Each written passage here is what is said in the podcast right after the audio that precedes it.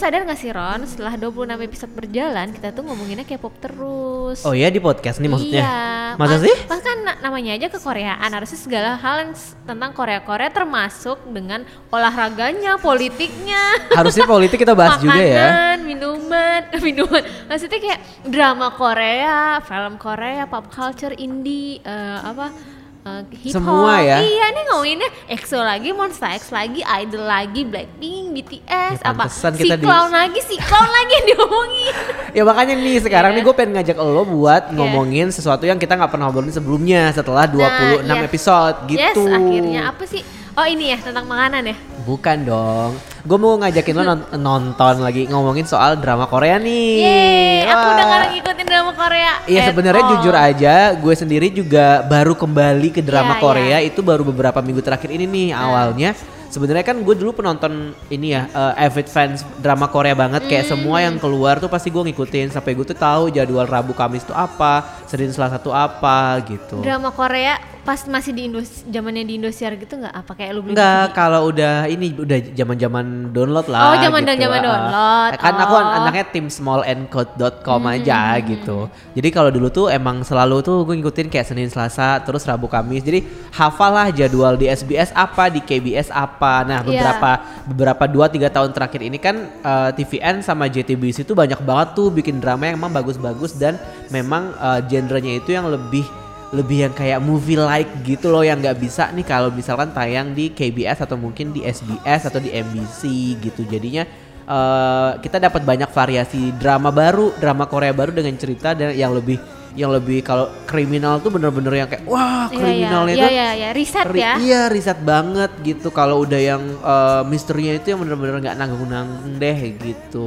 Nah kenapa gue bilang gue baru kembali ke drama Korea? Karena sejak terakhir gue nonton ini udah lama banget sih ini tuh 2016 ya kalau nggak salah pas Moon Lovers ya waktu Baekhyun sama Ayu di satu drama Iya, berarti alasan lo nonton gara-gara ada Baekhyun sama Ayu. Enggak dong, itu karena emang gue masih ada di fase di mana gue memang sangat nonton drama Korea. Nah kebetulan ini sebenarnya yang gue tunggu-tunggu dari lama nih kolaborasi yang dua ini nih nggak muncul-muncul. Nah, akhirnya itulah. Nah tapi setelah Moon Lovers itu eh, gue nggak pernah nonton lagi tuh eh, drama Korea drama Korea yang terbaru yang keluar. Mungkin karena entah karena kesibukan atau mungkin karena gue dalam kondisi mental yang tidak sehat juga ya. Jadi kayak agak susah nih buat ngikutin jadwal-jadwal banyak banget drama gitu. Nah akhirnya udahlah tuh gue libur nonton drama.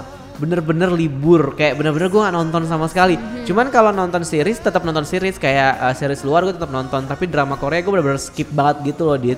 Jadi kayak ada fase di mana gue bener-bener yang steril lah istilahnya gitu. Sampai akhirnya Hotel de Luna keluar nih Ya, kemarin Lo tertarik gitu. gara-gara Ayu Nah, lagi. kalau ini fix banget gue nonton emang gara-gara Ayu sebenarnya bukan karena karena udah lama banget kan gue gak nonton drama Korea kan. Tapi di saat yang sama tiba-tiba muncullah notifikasi di Netflix kan ting gitu. New episode eh, apa new series Love Alarm gitu kan. Mulailah gue coba buat nonton. Eh ternyata setelah gue nonton Love Alarm ini gue jadi ngerasa kayak kembali ke zaman-zaman di mana dulu tuh gue jadi avid fans drama Korea banget Iya, gitu iya, loh iya, kayak bring back all memories, feelings dan everything gitu jadinya. Akhirnya ya gitu deh kayaknya gua akan mulai menekuni drama-drama lagi nih kayaknya nih. Kalau lo kapan gimana? Eh, awalnya Backgroundnya? pernah nggak sih lo nonton drama Korea Hmm, sebenarnya? Kayaknya gara-gara dulu gue langganan tabloid bintang. Lo tau tabloid bintang gak sih? Oh, iya, nah iya. di situ kan dia tuh update banget eh, apa eh, review sinopsis drama-drama Korea. Dulu tuh sebelum beli DVD bajakan kayak itu 2009 2008 gak sih kayak gue lupa deh pokoknya pas zaman gue kuliah kayak eh, nontonnya tuh juga yang masih di Indosiar. Iya, iya, Nah, iya. yang di dubbing kayak Iya, Full bener, House. bener, bener. Lo tau Wonder Wonderful Life nggak? Itu Iya, jadul banget sesi ah. girl cunyang. Itu tuh gue nonton. Cunyang, iya, Pokoknya iya. gue nonton nih yang dulu-dulu eh, kayak Brilliant Legacy. Brilliant Legacy gue nonton. Terus kayak eh, apa? eh, Princess Hours gue nonton. Protect the Boss pasti gara-gara Jejong kan Nah, nonton. no, itu belum belum. Itu pokoknya yang yang jadul-jadul itu tuh kayak eh, eh, Coffee Prince. Gue tuh paling suka Coffee Prince. Gue suka banget soundtracknya. Terus kayak gue suka Kim Jae Wook di situ. Itu tuh. Gong Yoo juga gak sih Coffee Eh, Prince? Gong Yoo, Gong Yoo kan? sama Yeon Yoo. Iya mana sih Yeon Yoo? Ya Uni ya ya nih yang ini ini yang sama uh, Kim Jong Kook pacarnya. Iya.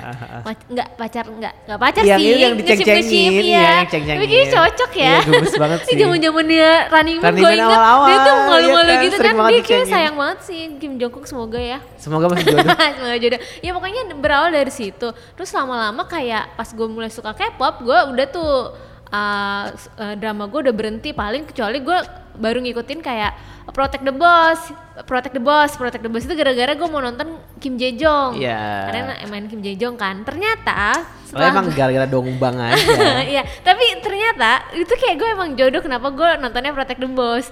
Ternyata pengisi soundtracknya itu dulu si Shonu sebelum dia debut. Oh iya. Masih nama aslinya namanya Son Yonu. Dia kan nama aslinya Son Hyun Woo. Eh, Son- jadi dia Son, Hyun-woo. Son Yonu kan.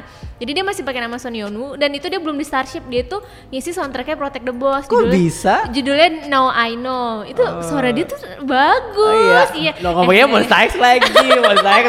ya itu kayak menurut gue itu kayak jodoh gitu loh pokoknya setelah Protect the Boss gue udah gak nonton lagi sampai seketika iseng lama-lama gue tuh udah uh, mungkin uh, seiring jalannya umur gue udah malas dengan drama percintaan yang ala-ala Korea kan jadi kayak gue ya udah deh kayak mal yang kayak Brilliant Legacy tuh kayak menurut gue tuh kayak sinetron Indonesia banget yang uh, apa tuh uh, pura-pura mati mengambil apa asuransinya demi kekayaan ya itu kan kayak Akhirnya ada kan versi Indonesia sinetronnya. sinetron banget kan eh, yang kayak Malo from the Star yang kayak nggak logis banget Ah, yang nggak logis ya ah, tapi kan emang drama Korea gitu kan terus Ah, ah, ah. yang dia tuh dari masa lalu ke masa depan apa ya ah rooftop prince kayak gitu gitu Iya, loh. iya, kayak itu gue udah nggak ngikutin sampai seketika gue tertarik dengan namanya Miseng Tapi kalau Rooftop Prince kan pasti lo gak suka kan? Itu Yuchun Iya, yang usah main. diomongin nggak usah daripada gue julid.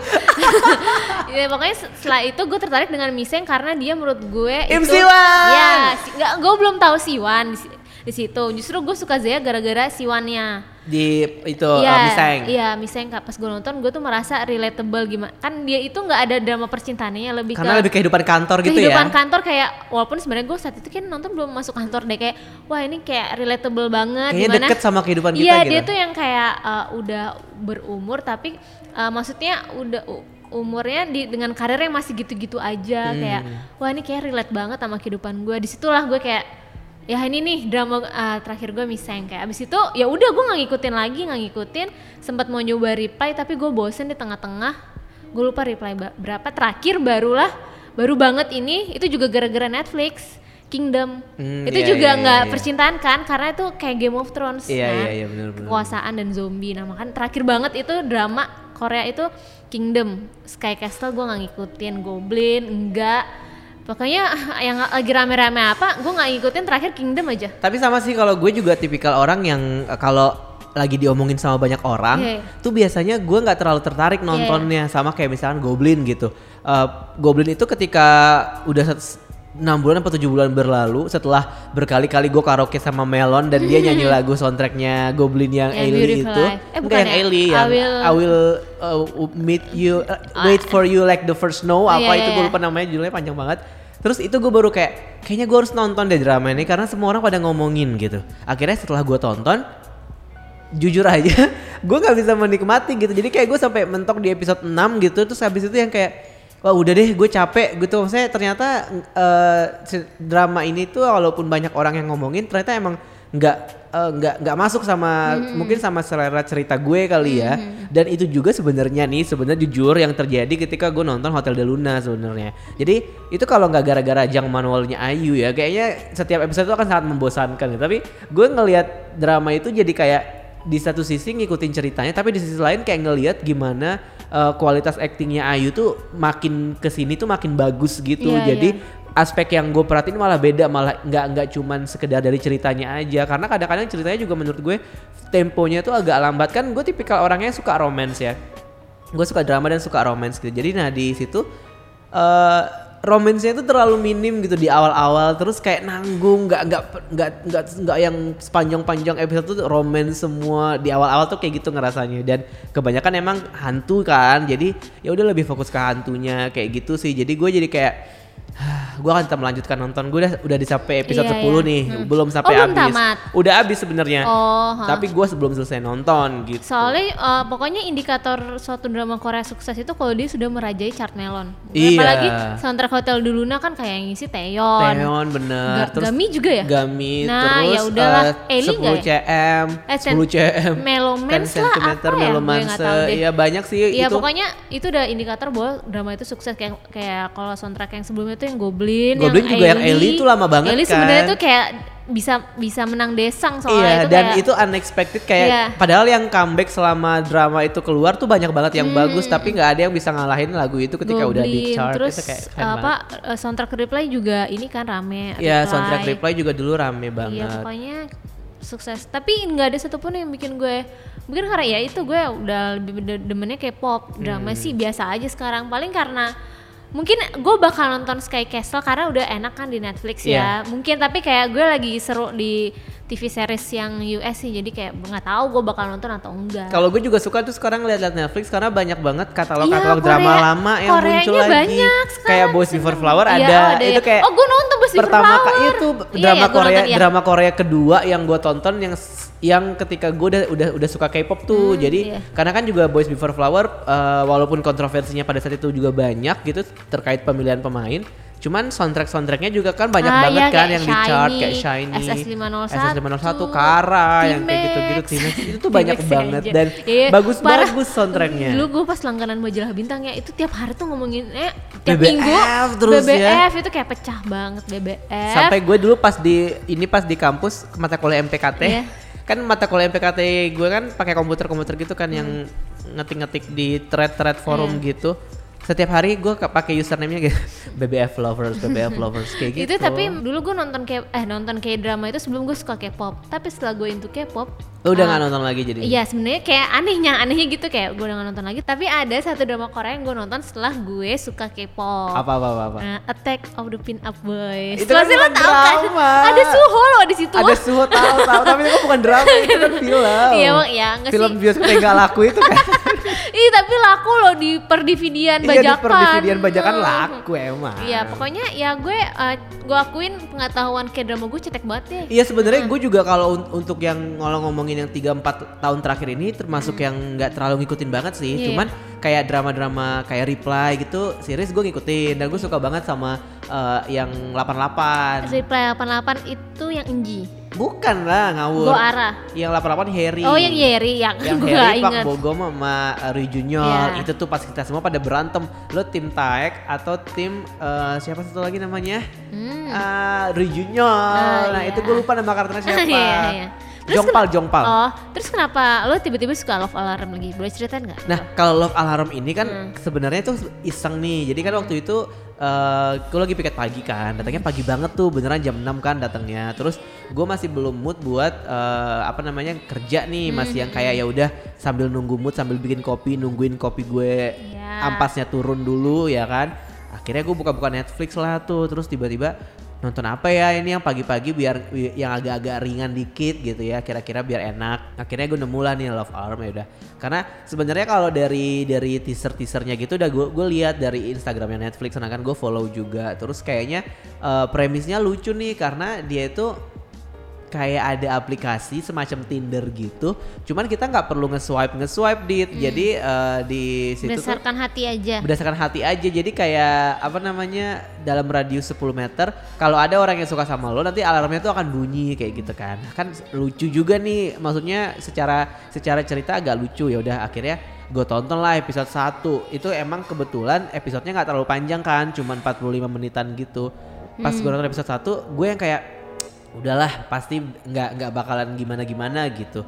Eh ternyata pas sampai akhir gue gemes sendiri dong gara-gara ending episode satunya itu tuh kayak bener-bener hah apaan sih ini? gitu. Kok tiba-tiba si pemeran utama ini ciuman sama pemeran yang ini tuh kayak ciumannya kayak ya udah gitu aja gitu kayak nggak ada nggak ada istilahnya perlawanannya tuh nggak ada gitu.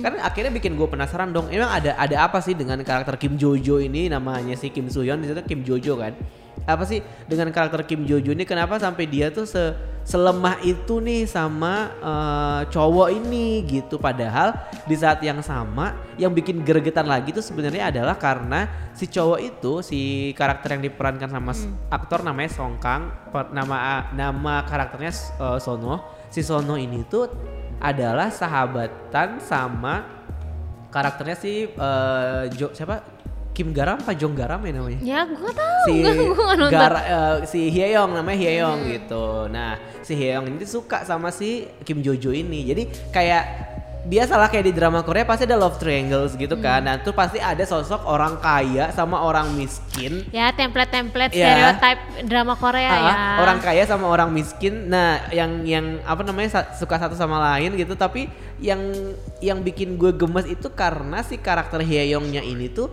nggak mengungkapkan perasaannya. Jadi hmm. tipikal cowok yang suka diem-diem gitu loh, hmm. kayak yang gue suka deh sama dia tapi gue nggak berani ngomong yang kayak gitu dan sementara si uh, Sono ini tuh orangnya tuh bener-bener kayak apa namanya uh, to the point aja gitu dan itu yang bikin gue jadi kayak gemes kenapa kok orang ini tuh kayak gini gitu kenapa kenapa si Hyeyong ini tuh terlalu nutup nutupin perasaannya dia kenapa si Sono ini jadi malah kayak uh, apa namanya nyolot banget sama hmm. si Kim Jojo jadi akhirnya keterusan lah gue nonton episode 2 gitu terus, akhirnya ya udah ya, nonton sekarang. terus lah sampai enggak sekarang udah habis kan oh, sampai episode 8 gitu oh itu season 1 aja tuh emang udah selesai nah ini tuh sebenarnya kalau menurut gue kan uh, settingnya itu dia di musim gugur kan hmm. waktu di, di drama ini kayak emang syutingnya udah lama ya karena hmm. si Kim So Hyun setelah ini selesai itu kayak langsung ada drama lain gitu loh yang sedang tayang hmm. jadi kan nggak mungkin tuh kayak terlalu cepet peralihannya kan kayaknya agak impossible. Hmm. Jadi kayaknya emang ini syutingnya selesai terus uh. dipotong cuma 8 episode gitu. Jadi season 2-nya katanya 2020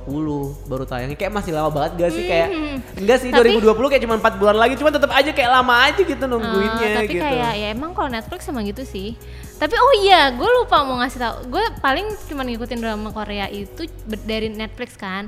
Terus salah satu di Netflix yang gue suka selain Kingdom itu ada judulnya yang punya uh, yang uh, Lee Kwang. Jadi dia drama komedi gitu cuma 30 menit kayak satu episode 20 menit kayak skit-skit drama doang judulnya The Sound of Your Heart.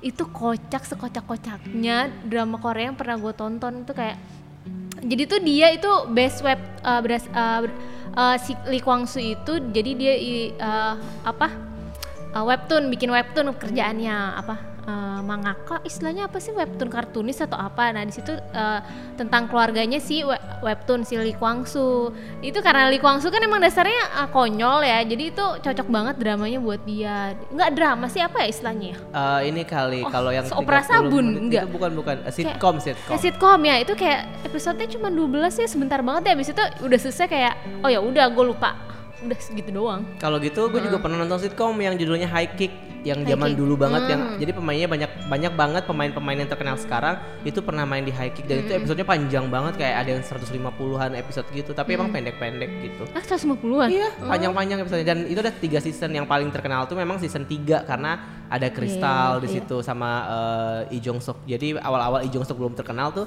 dia main di High Kick hmm. itu drama gitu. iya tapi uh, menurut gua drama Korea tuh tetap sekarang tuh tetap banyak yang nontonin ya malah kayak nonton setianya tuh ada kayak ya selalu spesifik, ada sih ya, sebenarnya kalau misalkan kita mau ngomong kalau kita mau ngomongin uh, apa sih yang iya ya apa sih yang bikin orang-orang suka gitu kalau kalau misalkan kita pengen ngomongin nanti kita akan ke situ. Hmm. Tapi kalau misalnya kita mau ngebahas kayak Hallyu gitu ya, sebenarnya hmm. yang bikin uh, Korea-Koreaan ini terkenal di Indonesia sebenarnya adalah drama sih sebelum K-pop sebenarnya. Oh, Jadi Winter Sonata. Iya, Winter? Sonata, terus Full House, terus apalagi yang Autumn in My Heart yang gitu. hmm. Jadi aduh, gue lupa tuh yang si uh, yang dia meninggal pas digendong itu.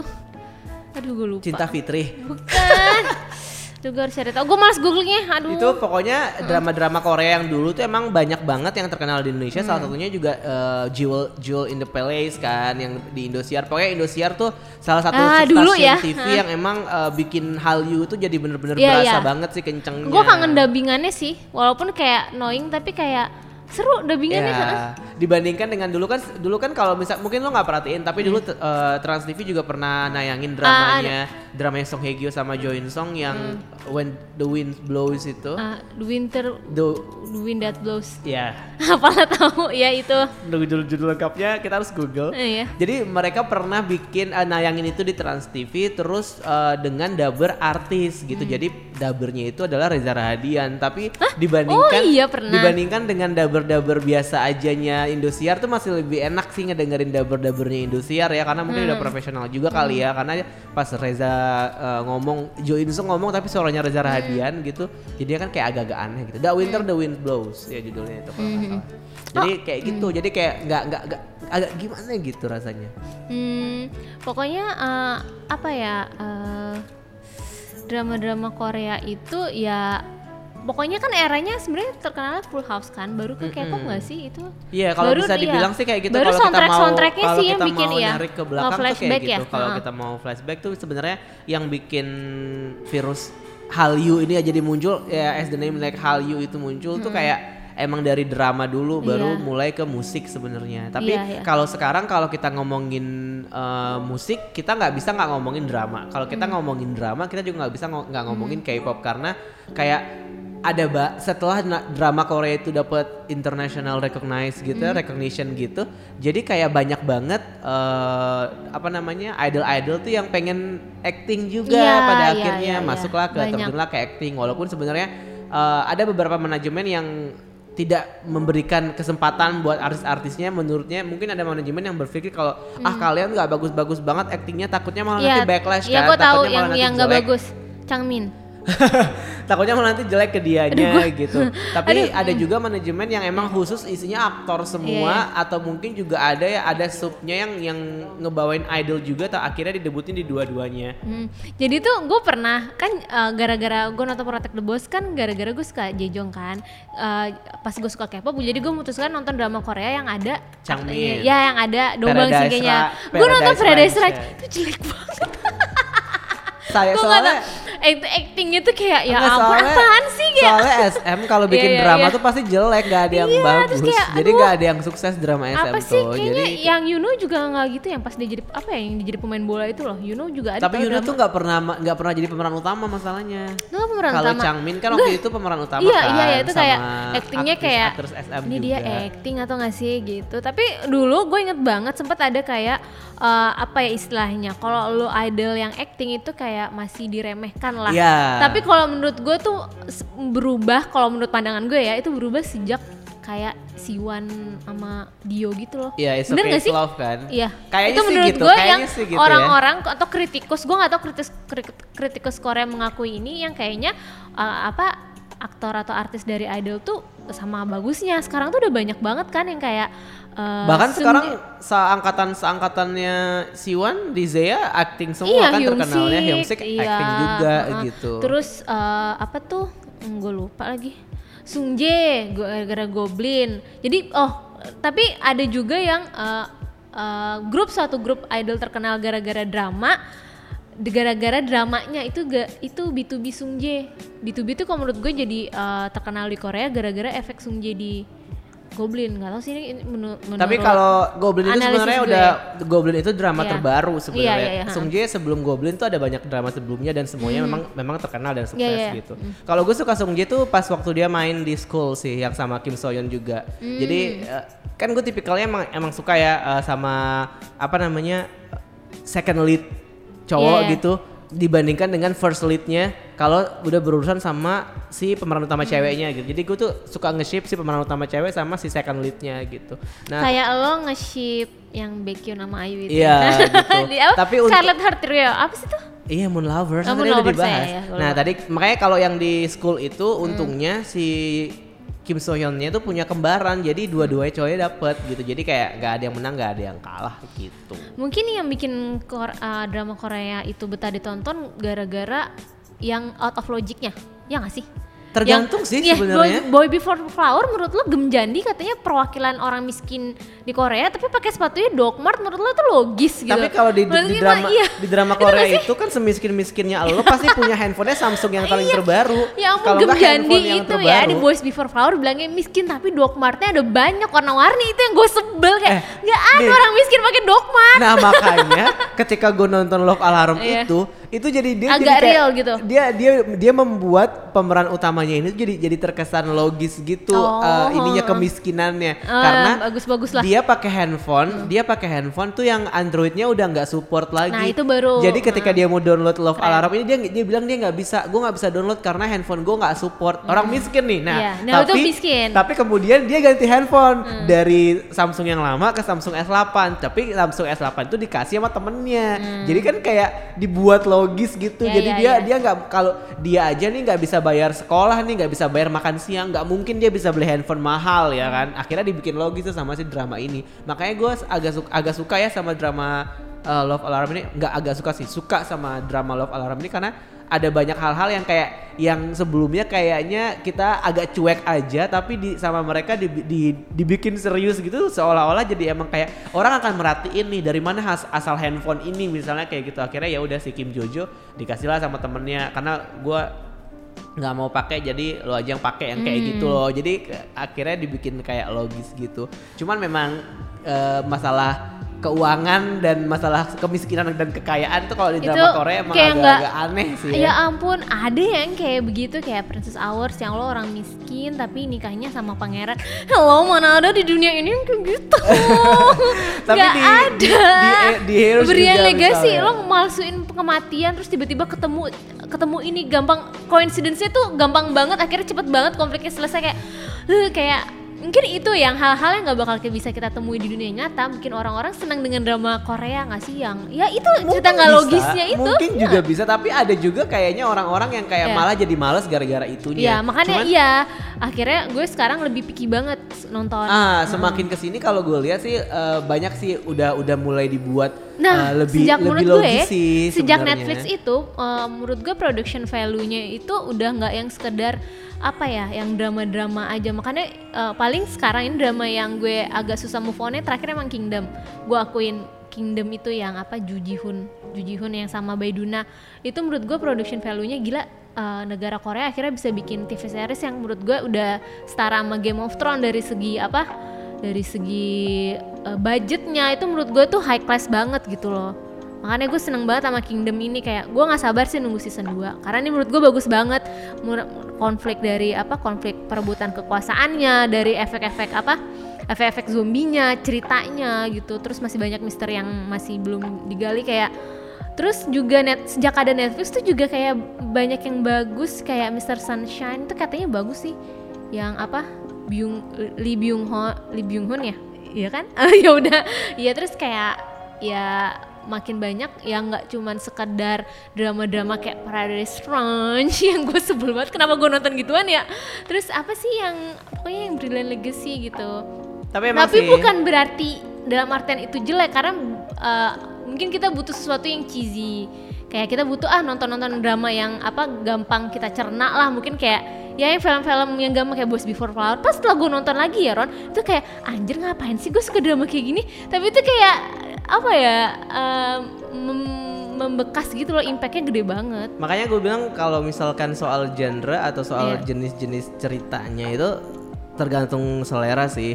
Dan benar kata lo tadi yang kayak kayaknya emang di- ada satu momen di mana orang tuh butuh banget tontonan yang emang agak cheesy gitu ya. Iya, iya. Makanya kemarin gue gue memilih buat nonton Love Alarm ini Hmm. karena secara promo dan secara premis tuh kayaknya emang agak cheesy nih ceritanya. Hmm. Tapi setelah gue nonton, entah kenapa ya, gue nggak tahu nih. Gue nggak tahu ini mungkin karena emang gue lagi baper ya. Padahal gue kan tidak pernah punya masalah percintaan yang sangat-sangat pelik gitu ya. Tapi ketika nonton ini tuh kayak kesannya tuh banyak banget hal-hal yang relatable sama drama ini.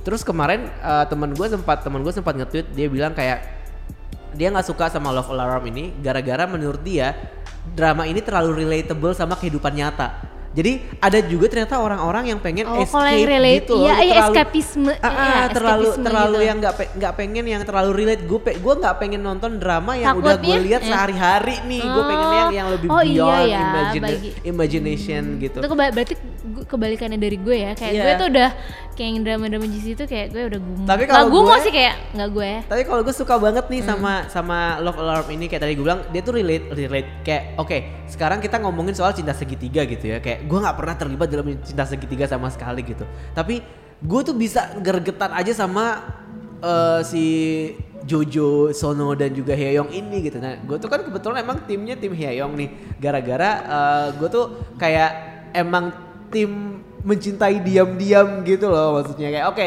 untuk untuk urusan mencintai diam-diam mungkin kita semua pernah mengalaminya gitu. Mungkin gue juga pernah mengalaminya di satu titik dalam hidup gue gitu. Jadi kita kalau ngeliat ngeliat Heong ini kayak ah ini tuh kayak gue banget gak sih? Kayak gitu jadinya ngerasa kayak relate banget yang kayak lo melakukan sesuatu buat orang yang lo suka tapi nggak perlu dia tahu kalau misalkan itu tuh lo yang ngelakuin yang kayak gitu-gitu. Terus yang paling gue suka tuh sebenarnya eh, sekarang ini drama Korea tuh udah udah ini dit udah sangat ramah sama hal-hal eh, yang udah kayak cenderung kayak LGBT gitu. Jadi udah nggak udah nggak udah nggak Eh, lagi kayak sesuatu yang diversity ya. Iya diversity banget. Udah nggak lagi sesuatu yang bener yang jadi kayak tabu buat diomongin gitu. Kayak di Love Alarm ini sebenarnya juga ada yang kayak gitu. Cuman tipis banget. Maksudnya kayak nggak nggak bukan bukan satu hal yang bukan satu hal yang dominan gitu ya. Tapi dia nyinggungnya sedikit aja. Cuman kalau menurut gue ini Gara-gara penting banget. reply nggak sih mulai keterima gitu? Yang karakter Mungkin Hoya. juga iya mungkin gara-gara itu juga Nggak tapi kalau yang di Love Alarm ini yang gue suka jadi kan eh, Love Alarm ini buat yang belum nonton gue kasih sedikit eh, preview aja di aplikasi itu kalau Tinder kan lo bikin profile sendiri. Nah kalau Love Alarm ini profile lo tuh kayak udah terbentuk otomatis dari kayak entah itu aliran darah atau mungkin elektronik dari badan lo nyambung ke handphone lah pokoknya nggak tahu gimana cara jadi sesuai sama hati gitu. Jadi kalau misalkan dalam radius 10 meter ada orang yang suka sama lo, walaupun lo nggak pengen dia tahu, itu alar- alarmnya akan bunyi gitu. Nah, jadi ada satu adegan di mana si Hyeyoung ini dia kan tipikalnya cowok-cowok yang jago berantem gitu kan, yang yang melindungi wanita yang kayak gitu-gitu yang jago berantem. Terus tiba-tiba satu hari di, di toilet cowok handphone dia bunyi dong, love alarmnya bunyi. Kan dia kaget dong kayak apa-apaan nih kok bisa ada yang bunyi? Terus tiba-tiba cowok keluar dari bilik toilet gitu kan. Terus awkward Oh, gitu sama loh. cowok, Iya, iya. kayak awkward Oh gitu. dia belum coming out Belum, mungkin belum. ya. Nah, tapi si cowok itu si cowok yang suka sama si Hyeong itu sebenarnya dia kayak bully gitu anaknya. Jadi dia pernah dia pernah uh, ngebully anak lain yang gara-gara si cowok lain itu suka sama dia gitu. Tapi ternyata dia juga suka sama cowok gitu. Terus si Hyeongnya yang kayak diem abis itu yang uh, Kayaknya gue harus nonton sih Ron kalau Nah, abis itu abis itu yang yang gue sukanya adalah karena eh, si Hyeongnya ini dibuatnya itu kayak bener-bener kayak malaikat gitu loh. Terus ada satu quote yang gue inget yang dia bilang kayak eh, si cowok yang suka sama Hyeong nanya, gue suka eh, apa love, gue udah ngebunyiin love alarm lo. Kok lo nggak marah sama gue? Terus si Hyeongnya bilang kayak ya kita tuh nggak bisa ngontrol kita bakal suka sama siapa. Hmm, intinya, iya, Intinya iya. tuh kayak gitu. Jadi kayak langsung kayak wah gitu loh. Jadi kayak bener-bener lu bisa suka sama siapa aja dan itu tuh nggak masalah gitu. Tapi kan nggak semua orang kayak Hyeong kan. Karena Iya. karena ada orang yang bahkan eh, di sisi lain ada ada cewek yang yang emang kayak pengen banget disukain sama si pemeran utama yang satu lagi tapi yang suka sama dia malah cowok-cowok nerd gitu dan dia nggak suka gitu yang kayak jijik banget sama si cowok ini gitu jadi gua rasa ini tuh kayak bener kayak kata lo bilang tadi yang lebih diverse gitu jadi walaupun memang nggak nggak jadi fokus ceritanya Iya, iya, iya. tapi ada elemen-elemen itu yang bikin jadi kayak Iya. wah gitu kalau menurut gue jadi itu sih kalau yang gue bilang kenapa akhirnya mungkin gue jadi ngerasa nonton Love Alarm ini jadi kayak mengembalikan keseruan nonton drama Korea zaman-zaman Hmm. dulu yang pernah gue rasakan karena banyak tuh yang kayak gitu dan mungkin emang gue tipikal yang kayak suka sama cerita-cerita tentang anak sekolahan kali ya jadi eh gue lebih gampang buat menikmatinya gitu walaupun ya nggak selalu ada sih elemen yang kayak tadi gue bilang maksudnya eh, walaupun sekarang udah diverse tapi nggak penerimaannya kan nggak se ini kan karena tayang di Netflix aja nih makanya jadi mungkin orang lebih gampang nerimanya kalau tayang di KBS yang kayak gini ini kan nggak mungkin gitu. Iya iya iya betul betul. Kayak- Sekarang kayak gue udah males download kan, jadi kayak ya gue paling nunggu nungguin di Netflix. Jadi kayak ya gue butuh rekom- rekomendasi sih dari orang-orang kayak nah enaknya nonton apa nih nonton apa iya, gitu kayak gue bener-bener gak tahu sama Tapi sekali gue sih gitu. rekomendasi sih nonton Love, Love Alarm, Alarm, karena ya. cuma 8 episode doang dan episodenya cuma kayak 40 menit gitu. Terus Hmm. selain tadi yang quotesnya si Heyong itu juga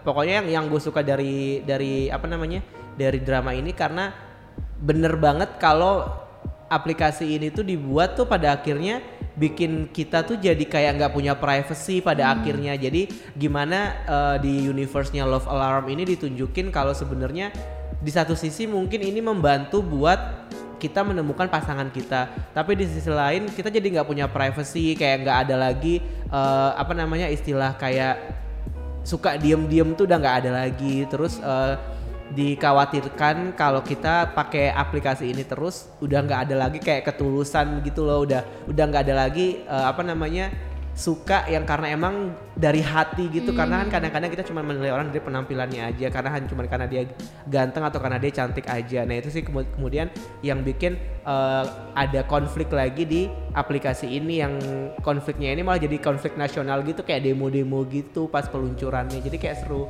dan ala-ala Black Mirror gitu deh pokoknya apa namanya efek dari teknologi yang bikin merubah tatanan kehidupan kayak gitu. Tapi ada gak sih drama Korea yang misalnya yang ada idolnya yang lo tonton terus bikin lo tertarik pada suatu grup yang dibintang eh suatu grup yang di yang dia aduh gimana sih kayak ya lo nonton drama terus ternyata yang pemainnya itu idol terus lo akhirnya cari tahu tentang grup itu? Kalau dulu mungkin dra mungkin kalau drama yang kayak gitu beberapa dramanya Yonghwa kali ya. Jung- Karena oh, kan gua Yonghwa yang tahu You're si- Beautiful nggak Iya, sih? You're Yang Beautiful. si- He's Beautiful. eh You're- sis- iya, yang You're Park. Shin ya kan Yang Park Shin yang ya. dia jadi cowok Ah, ah, itu gue suka karena uh, oh iya iya ya si FT Island kan FT Park Island juga ya? sama Yong sama CN Blue kan. CN Jadi Blue. dari situ gue tahu FT Island, dari situ gue tahu CN Blue Oh, juga. ha-ha. Tapi pas CN uh, Yonghwa sama Park Shin main di Heartstring juga gue suka tuh makin suka sama CN Blue karena Hmm, uh, di oh situ iya. akhirnya ada Minhyuk kan. Uh, bias Kang gue di Minhyuk. Kang Minhyuk Iya. ya, bias gue di CN Blue soalnya Minhyuk. Jadi Oh, gara-gara drama iya, itu betul-betul, iya. gue jadi suka CN Blue. kalau Kalau yang paling sukses kalau menurut gue sih masih Dream High sih sampai sekarang. Dream High oh iya sih Dream ada High yang pertama oh, iya, tapi iya, ya. tahu yang ada Ayu, Suzy, ada Suzy, Ayu, ada Taekyeon, ada iya. Wuyong. Ini JYP banget sebenarnya. Iya. Terus Oh, ada ah, ah, Hmm. eh, Enjongnya Tiara gitu. Ja- Itu sih yang bikin gue jadi kayak akhirnya ngepoin Ayu juga sih sebenarnya dari situ awal Hmm, di- awalnya gue tahu Ayu tapi makin sukanya itu gara-gara Dream High. Terus oh tahu Miss A gara-gara Dream High juga. Terus 2PM juga ngikutin banget gara-gara Dream High juga. Dan Hmm. akhirnya sampai gue kenal Tiara pun tuh juga gara-gara efek dari drama ini kayak bulan puasa tuh gue tontonin setiap, kali sahur tuh gue download nonton download nonton gitu. Iya paling ya kalau gue kalau suka grup dari suatu drama ya paling baru Zea doang sih. Pas gue tahu si Wan Miseng ya berarti. si Wan di Zea gue nge- ngepoin Zea-nya. Tapi kayak sebentar banget karena Zea-nya kan jarang jarang ini kan jarang rilis lagu karena kebanyakan membernya main drama itu doang sih kayak itu paling oh iya gara-gara gue nggak tahu ternyata Kim Yoon Jong itu penyanyi kan yang pas zamannya gue ya BBF SS 501 Iya SS 501 Terus gue gak nyangka kalau SS 501 tuh dulu terkenal banget Terkenal banget, iya, iya, Bahkan iya, sebelum Suju sama Dongbang tuh kayak SS 501 dulu gak sih? Enggak ya? Hmm, kayaknya Apa barengan ya? barengan, Mereka barengan. sangkatan ya? Iya gue gak kayaknya. nyangka kalau dia tuh penyanyi yang kayak ala Rain gitu. Padahal menurut gue vokalnya biasa aja. Gue Iya, gak tahu iya, sih ya iya. kayak oh, mungkin karena kita nggak Terus ngikutin aja yang T-Max ya. itu ternyata dia T-Max idol. Iya kayak gue suka T-Max Kayak gue baru tahu oh dia tuh idol. Pas gue lihat tapi ya kayaknya gak banyak rilis ya. Nah kalau misalkan dari dari apa namanya genre-genre nih misalkan kayak lo lebih suka drama yang kayak gimana? Yang tear jerking yang kayak bener-bener sedih banget yang kayak du- apa kayak itu uh, The Oh Wind kalau uh, The Winter awalnya The gue tuh The Wind Blows. awalnya gue nggak suka genre drama tuh kalau yang ko- kolosal istilahnya apa sih? Sag- sagek-sagek sagek ya? Heeh, tapi gara- period period. Period pe- period gitu.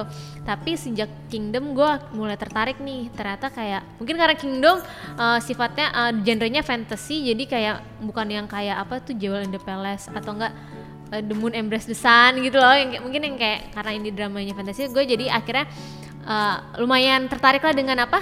Uh, apa guys apa? Sagek. Sagek dengan kostum-kostumnya itu loh yang di situ gue mulai tertarik. Tapi intinya sih gue paling sukanya yang ya mising lagi mising lagi. Tapi gue suka Coffee Prince yang drama-drama kayak Coffee Prince. Emang zaman-zaman balik lagi ke soundtracknya ya. juga kali ya. Coffee Prince itu menurut gue menang banget soundtracknya. Hmm. ya terus ya itu. Terus kalau misalkan yang drama-drama yang agak-agak nggak suka banget. politik-politik itu yang kayak Sky Castle terus Yang gue nggak masalahnya belum ada yang gue ngikutin sih. Hmm. Gue pengen nonton yang crime, yang crime. Oh kalau kram nonton Signal. Ya signal ya. Terus juga tadi ada rekomendasi juga katanya nonton ini apa namanya? Gue tertarik kok nonton tapi mungkin belum saatnya aja. Iya, iya, Signal bagus kok, Signal bagus yang kayak gitu-gitu deh yang Gue juga pernah tuh nonton yang Nine juga bagus, Nine. Terus yang Eh. kayak misteri-misteri gitu. Gue tuh pernah judulnya apa ya? Yang main tuh Ijunnya M Black. Oh, Fu- Fu- Fugitive Plan B. Ya, itu juga itu juga. Eh bukan bukan Itu bukan Lee film Jun. bukan sih? Enggak enggak itu drama drama Korea. Itu yang main Rain.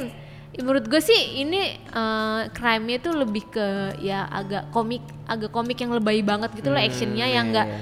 yang enggak real life karena mungkin fokusnya ke percintaannya. Ya, Kalau gue suka sih kalau yang agak Fugitive Plan B ya. anak sekolahan tuh gue suka Ah. karena menurut gue lebih yang apa ya em, ringan kali ya walaupun kalau misalkan di, di di school di school itu yang paling ditunjukin kan sebenarnya realitas anak SMA di di eh, Korea yang emang susah banget yang kayak belajarnya terus eh, sampai yang bunuh diri terus sampai yang bully-bulian ya gue sebenarnya paling gak suka sama adegan bully karena gue pernah dibully. Jadi kayak eh, apa namanya stres gitu loh ngelihatnya. Tapi di Love Alarm ini juga gitu tuh nontonin si Kim Jojo dipukulin tuh kayak gue kesel aja gitu sama sepupu dia kayak apaan sih? gitu. Tapi kalau yang lain kalau yang fantasi gue agak-agak masih abu-abu sih ya. Kayak The Luna ini misalnya Hotel The Luna kan agak fantasi kan eh, genrenya. Masih yang kayak gue masih mencari di mana ya sih sebenarnya menariknya. Tapi kalau yang gue lihat di The Luna ini yang paling yang paling gue nikmatin tuh sebenarnya adalah apa namanya perjalanan dari masa lalu ke masa kininya itu. Jadi perdiba ada ada ada karakter-karakter di masa lalu yang dikembalikan lagi kan ke masa di masa kini gitu. Jadi itu sih sampai sekarang yang masih kayak wah keren nih gitu. Transisinya keren gitu. Hmm. Mungkin deh, eh, daripada yang gue juga bingung cari tahu cari tahu, mending kayak kan udah nanya nih Ron ke eh, Ron Manfest nih, rekomendasi Hmm. dong drama favorit siapa tahu ada yang bisa gue tonton gitu. Ya, terus juga ada uh, pertanyaan yang lain lagi adalah kenapa sih menurut kalian orang-orang tuh suka nonton drama Korea? Ya. Apa sih yang menurut kamu bikin drama Korea ini jadi menarik gitu? Kalau kata Rizka, dia bilang Rizka siapa emang- nih? Rizka temen aku. Jawab mulu ya.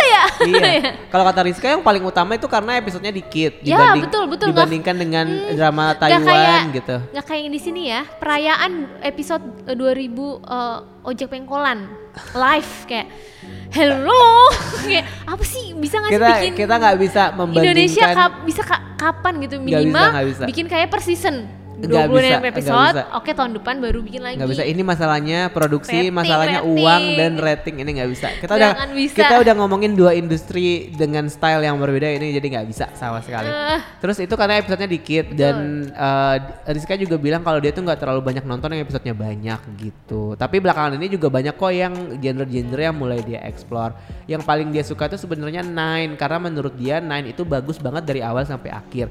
Satu-satunya drama yang dia nggak mau lihat spoiler ya katanya gitu Hmm, Kalau gue ada, ntar mana sih? Oh ini ada dari Mary Ani. Uh, dia bilang cerita anti mainstream dan berani bawa isu sensitif. Kebanyakan drakor juga mendeskripsikan tokoh utama perempuannya adalah perempuan mandiri dan strong. Terus uh, rekomendasinya Strong Woman Do Bung Sun untuk motivasi menemani diri sendiri, Modern Farmer untuk motivasi menjadi petani. Tuh, gue nggak ah, Strong Woman Do Bung Sun yang main siapa Ron? yang main Nam Joo Hyuk 6 Eh Julia. bukan Do Bong Sun tuh yang main ini Pak Boyong.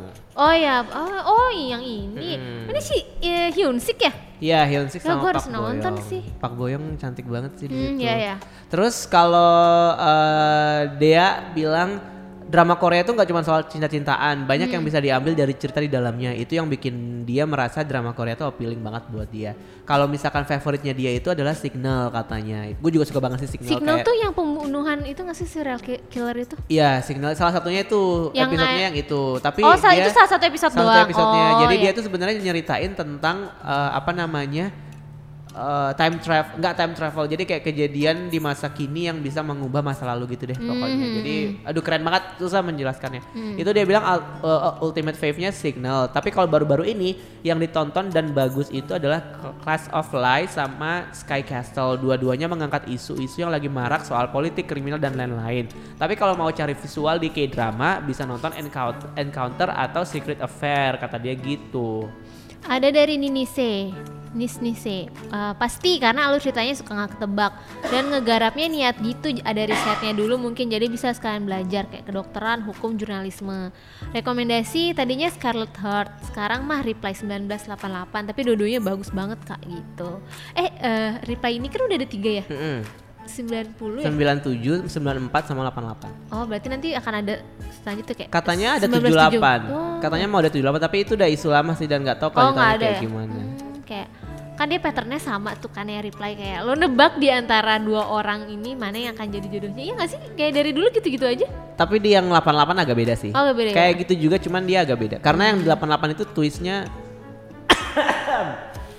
kayak gitu. Lo pengen batuk kan? Batuk mau batuk aja. Beneran karena karena ini udah, udah isu sensitif Iya, nih iya, iya. masalahnya si itu dan ini nah gitu. ya Jadi- nanti lo ini ya apa? Eh, spoiler ya? Spoiler. ada nih Mbak Kejut. Eh, ada dari Mbak Kejut Kejut Bahu. Suka ke drama soalnya alur ceritanya bagus dan berkualitas gitu. Terus ceritanya beda-beda dan menarik buat anak muda. Plus cowoknya ganteng-ganteng jadi mayan buat pemandangan mata Eh, rekomendasi Boys Before Flower Princess Hours Cheese in the Trap What's Wrong with Secretary Kim Hotel Duluna wah ini kayak Cheese in the Trap gue sering denger deh Ya Cheese Dealer tuh pada zamannya bagus tuh. oh iya Terus Ada juga ada uh, Ed Ali Telidi dia bilang kayak dia nonton drama Korea karena because I need a place to run away katanya. Jadi kayak ini Oh, semacam iya, dia escapism hiburan, gitu ya. Hmm. eh, pelarian gitu loh. Semacam udah udah capek sama hidup sendiri jadi butuh tempat kabur, bisa ketawa-ketawa, nangis, kesel, marah dan lain-lain. Tapi nggak tak tapi tahu tahu ada ujungnya. apa Tapi tahu ada ujungnya. Oh, maksudnya bisa ketawa, nangis, kesel, tapi tahu ada ujungnya gitu. Nggak kayak hidup kita yang kita nggak tahu ujungnya di mana kekesalan dan kemarahan itu. Mungkin kayak gitu kali ya. Terus kalau rekomendasi sih dia bilang Re- Reply 88 is a must. Terus ada The Guest, uh, Triple W Search, Age of Youth 1 dan 2, Goblins, Scarlet Heart Trio, atau Moon Lovers, sama Dokter Romantic kata dia. Ini ada karism, karisma nilam. Ceritanya karena ceritanya selalu menarik, nggak monoton, nggak ketebak, nggak bertele-tele dan pem- pemainnya oke-oke. Favoritku sih It's Okay It's Love. Ini yang ada Dio ya. Ini Iya, Dio ya, debutnya Dio, Dio, ya. itu debutnya Nah, Dio harus di banget nontonnya soalnya bener-bener keren. Itu keren banget, itu Oh iya? bagus banget. Itu Soalnya nih gue suka sama psychologic Oh.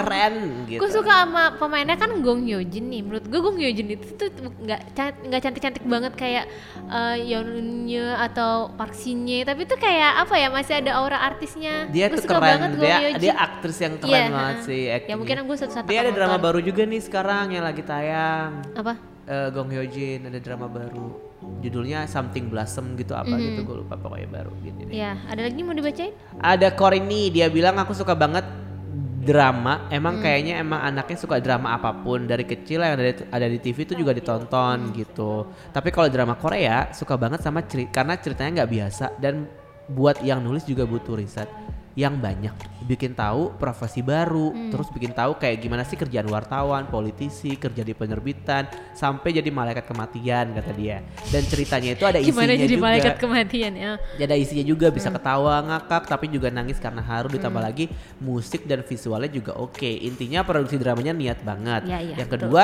eh, pertanyaan kedua drama yang direkomendasikan adalah 49 Days nonton gak lo? Enggak, itu 49 yang mana Days tuh? itu bagus sih 49 Days Enggak, jadi di- jadi kayak katalog gue. kayak lo dikasih waktu 49 hari eh, untuk hidup lah apa sebelum lo bereinkarnasi nih? lah pokoknya Oh, Jong gue tau yang main Jung Il yang main Jong Il Woo ya gitu Kayak gue pernah ada di nonton drama Jung Il Terus Woo tuh eh, apa ya? Reply 97 ada dia juga rekomendasikan eh, Gentleman's Dignity sama Prison Playbook kata dia tuh gitu.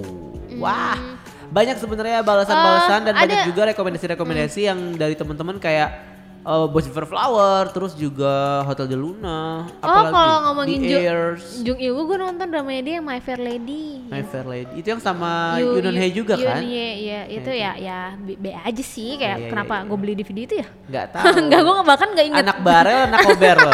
kan gue ada kober. anak kober loh ya pantesan. terus suka ada terakhir kalian ya Ron ya ada yang bilang seru aja kak temanya selalu unik jalan ceritanya juga ini sih Hill eh, akunnya Bomah jalan ceritanya juga apalagi kalau dramanya udah tentang medical law or politik seru dan bisa sekalian belajar nambah wawasan. Rekomend sih tetap Chicago Typewriter juga cinta mati sama Signal Kill Me Heal Me ti- tidak usah ditanya gitu. Pas gua googling Chicago Typewriter ini kayak dari hmm, background backgroundnya seru nih kayak nggak tahu sih main Mungkin UAin perlu dicoba. Iya, Mungkin kayak ya. oke lah gue bookmark bookmark tapi gue nggak tahu mau nontonnya kapan. Pokoknya kalau drama Korea sih kalau Iya. buat gue yang pertama itu dia harus ngena dulu kayak banyak quote-quote galau yang kayak ngena di hati gitu. Gue tuh paling suka sama quote-quote yang relate kayak Hmm. yang sesimpel Love Alarm bilang kalau kita nggak bisa mengontrol kita tuh harus suka sama siapa kita bakal suka sama siapa. Itu sih gue kayak yang udah wah iya bener sih bener banget. Karena kadang-kadang itu tuh kejadian di hidup gitu loh. Jadi yang gue lebih suka yang relatable lebih ya? relatable sebenarnya. Walaupun agak-agak ngeri juga sih ya tapi gue setuju sama orang-orang yang bilang kalau mereka tuh lebih banyak bisa dapat banyak pelajaran dari eh, drama Korea gitu. Karena kalau menurut gue ada ada satu misi yang ingin ditampilkan atau ingin dihadirkan oleh para penulis skenario nya para sutradaranya itu supaya eh, semacam kayak semangat gitu loh pemberi semangat buat masyarakat Korea yang nonton itu